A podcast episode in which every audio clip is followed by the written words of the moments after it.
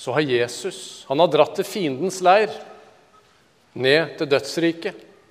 Han har bundet djevelen. Han har tatt tilbake nøklene som kan åpne alt som er stengt her i verden. Han har rivd nøklene ut av djevelens hender.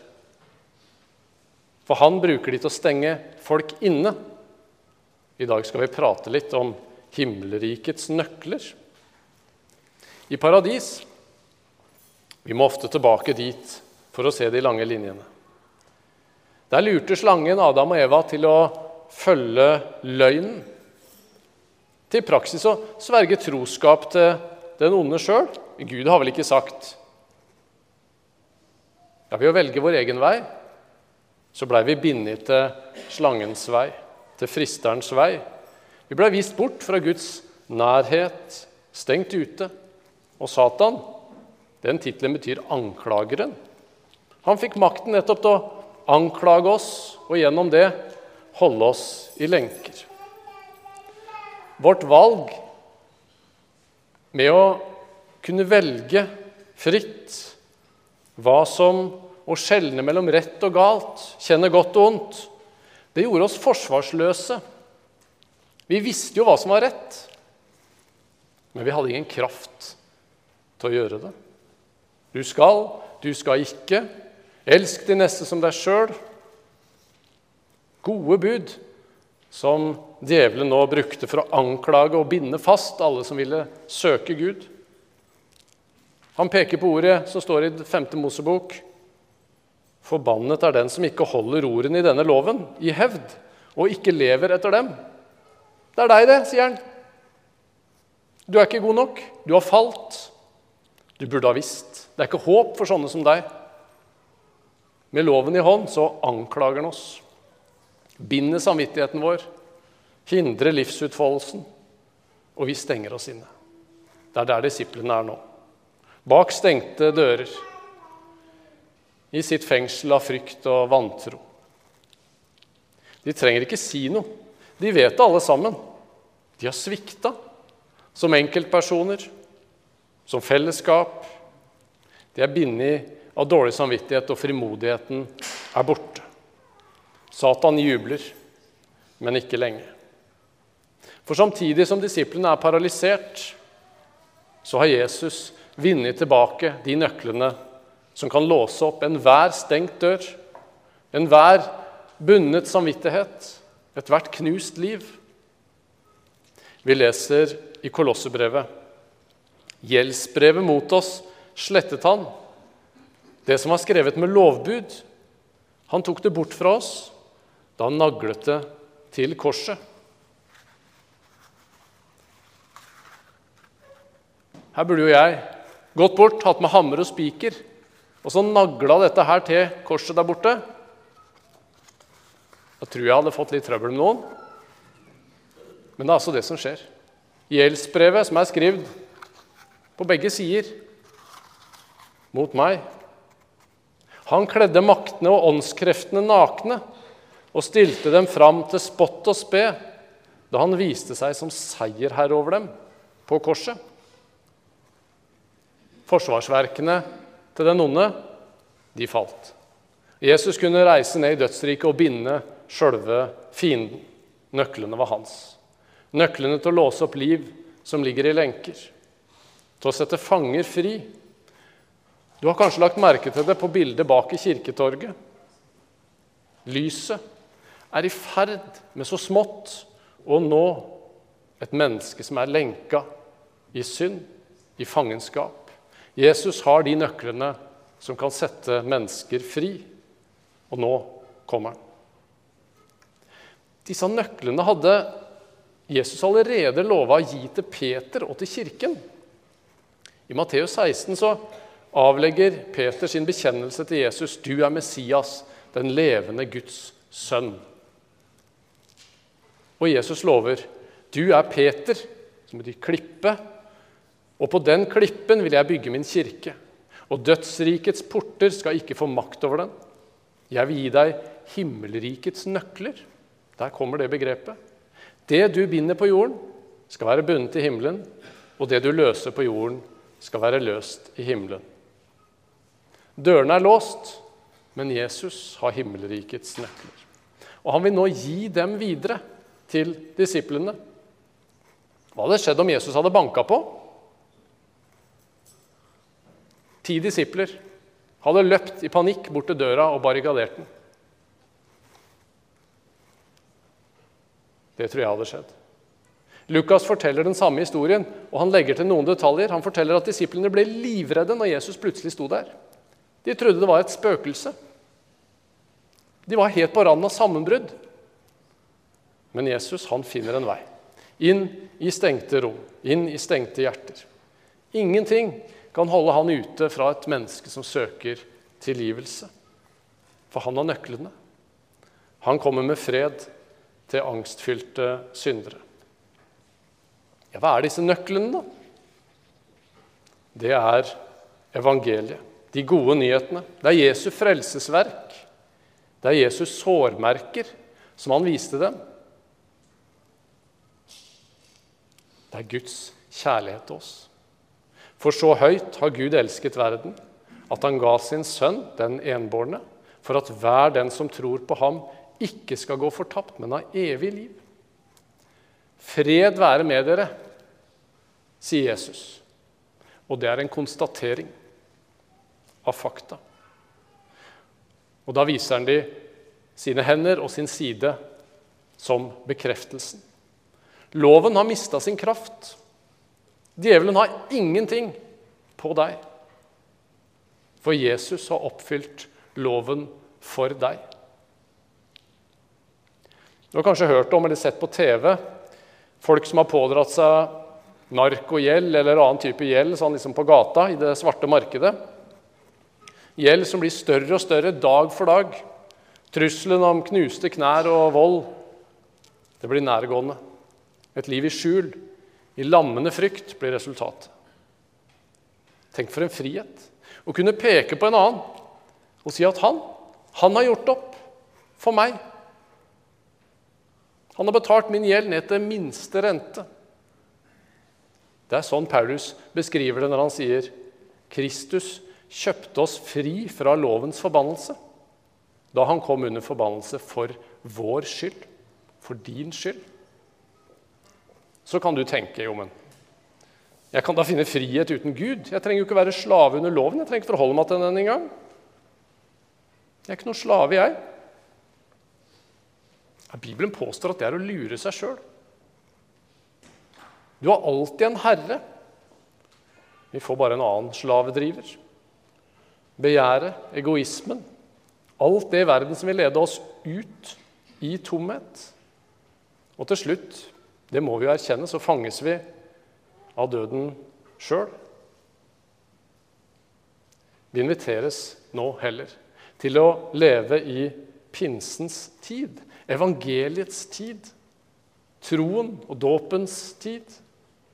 Vi er frikjøpt til et nytt liv i frihet med Jesus som Herre. Det er en trygg Herre. Og det er et liv hvor vi eier nøklene til himmelen. Man gir jo ikke nøklene til sitt hjem til hvem som helst. Men Jesus han gir nøklene til himmelriket til deg. Har du tenkt på det? Han gir deg tilgang til alle sine gaver, og ikke nok med det, han ber deg invitere flere til festen. Det er kanskje det siste du vil gjøre. Gi nøklene til ungdommen din, og så bare be inn. Legg det ut på Facebook. Jesus, han inviterer, og han lar oss invitere breit. Det er tillit, det. Sånn Gud har sendt meg, sier Jesus, sender jeg dere. Jesus han kommer med fred fordi syndene er tilgitt. Og døden, den er beseira. Den skal ikke lenger få være vår slavedriver og drive oss til frykt. Vi skal få gå med Hans fred videre. Det er et velsigna oppdrag. I Jesaja 52, 7 så leser vi hvor vakre de er der de løper over fjellene. Føttene til den som bringer bud, forkynner fred. Bringer godt budskap, forkynner frelse og sier til Sion din Gud er konge. En sånn utsending får du og jeg være. En som går på en annens kraft autoritet og kan gi tilgivelse og nytt liv videre for intet, gratis. En som får gå fra celle til celle med nøkler som låser opp, setter fanger fri. Det er betalt. Det er gjort opp. Du kan gå ut til et nytt liv, puste frisk frihetsluft. Jesus gir ikke bare et oppdrag. Han gir også kraft til oppdraget. Jesus puster på disiplene og sier, 'Ta imot Den hellige ånd'. Vi hører ekkoet fra teksten vi leste i første Mosebok. Gud skapte mennesket, pusta liv inn i oss, livspust. Vi ble levende sjeler. Vi ble en levende del av skaperverket. Vi hadde fellesskap med Gud og med livets tre. Vi hadde tilgang på livet, virkelig livet. Men vi falt. Vi ble underlagt synden og døden, stengt ute fra paradiset. Nå, når nøkkelen igjen er i Jesu hender, så puster Jesus på nytt liv, ånd, inn i de som er satt fri. Den hellige ånd tar bolig i deg, og du får igjen tilgang til paradis, til det nye Jerusalem. Og så bringes dette ordet videre, helt til deg her i dag. Gud har en plan. Planen er at Guds fred, som overgår all forstand, skal bli din. Han vil at du skal ta den i eie, leve inn, skyve opp døra som er låst, gå ut, ikke i frykt, men med trygghet. Guds ånd har tatt bolig i deg. Du eier livet. For ikke bare gir Jesus kraft, han gir også myndighet. Vi har alle, både prester og lekfolk, menn og kvinner, fått både kraft og myndighet til å bruke disse nøklene til å frimodig proklamere dine synder er forlatt til alle som vil vende om fra sin synd.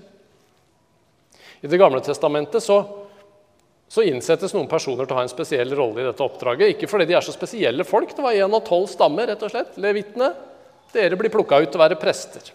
De var antageligvis akkurat et gjennomsnittlig gjeng, sånn som resten av de stammene.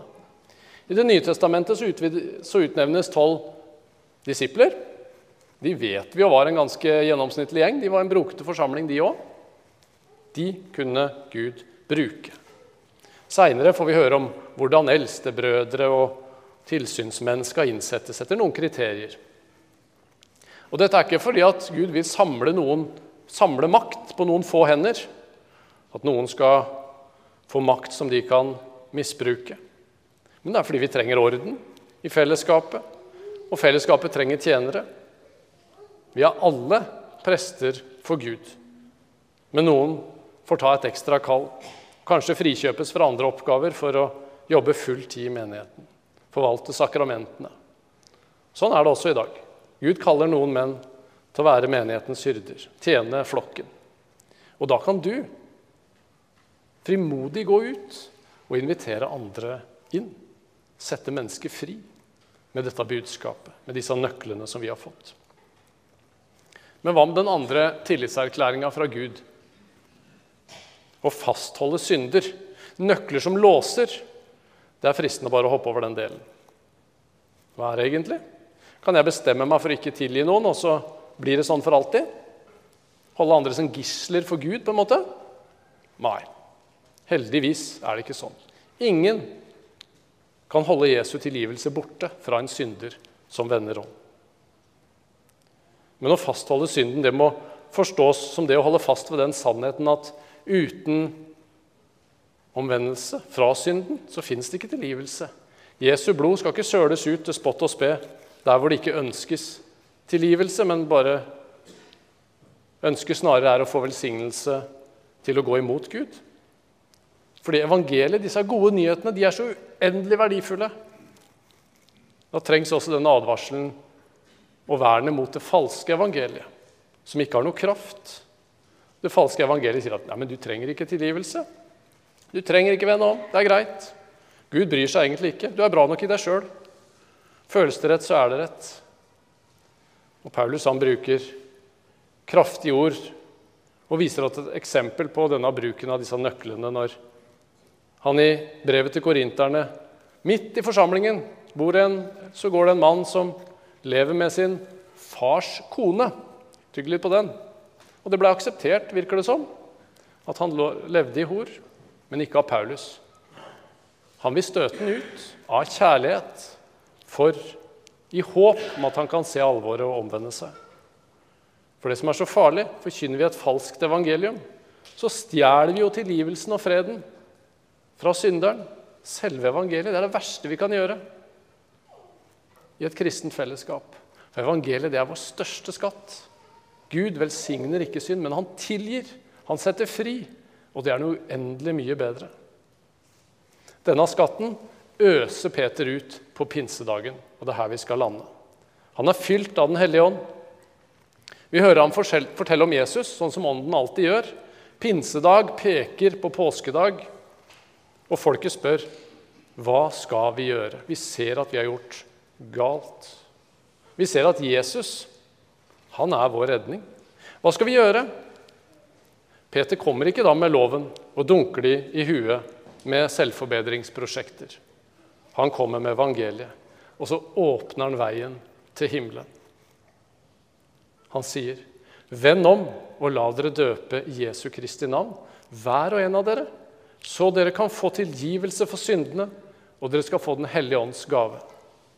For løftet gjelder dere og barna deres og alle som er langt borte, så mange som Herren vår Gud kaller på. Løftet gjelder deg, Løftet gjelder meg. Løftet gjelder barna vi i dag fører til dåpen. I Jesus eier du tilgivelse for all synd, seier over døden, og i troen på Han så er du fullkomment fri. Fri fra djevelens anklager, fri fra lovens dom, fri til å tjene Gud og mennesker, fri til livet. Ære være Faderen og Sønnens og Den hellige ånd, som var og er og alltid skal være en sann Gud fra evighet og til evighet. Amen.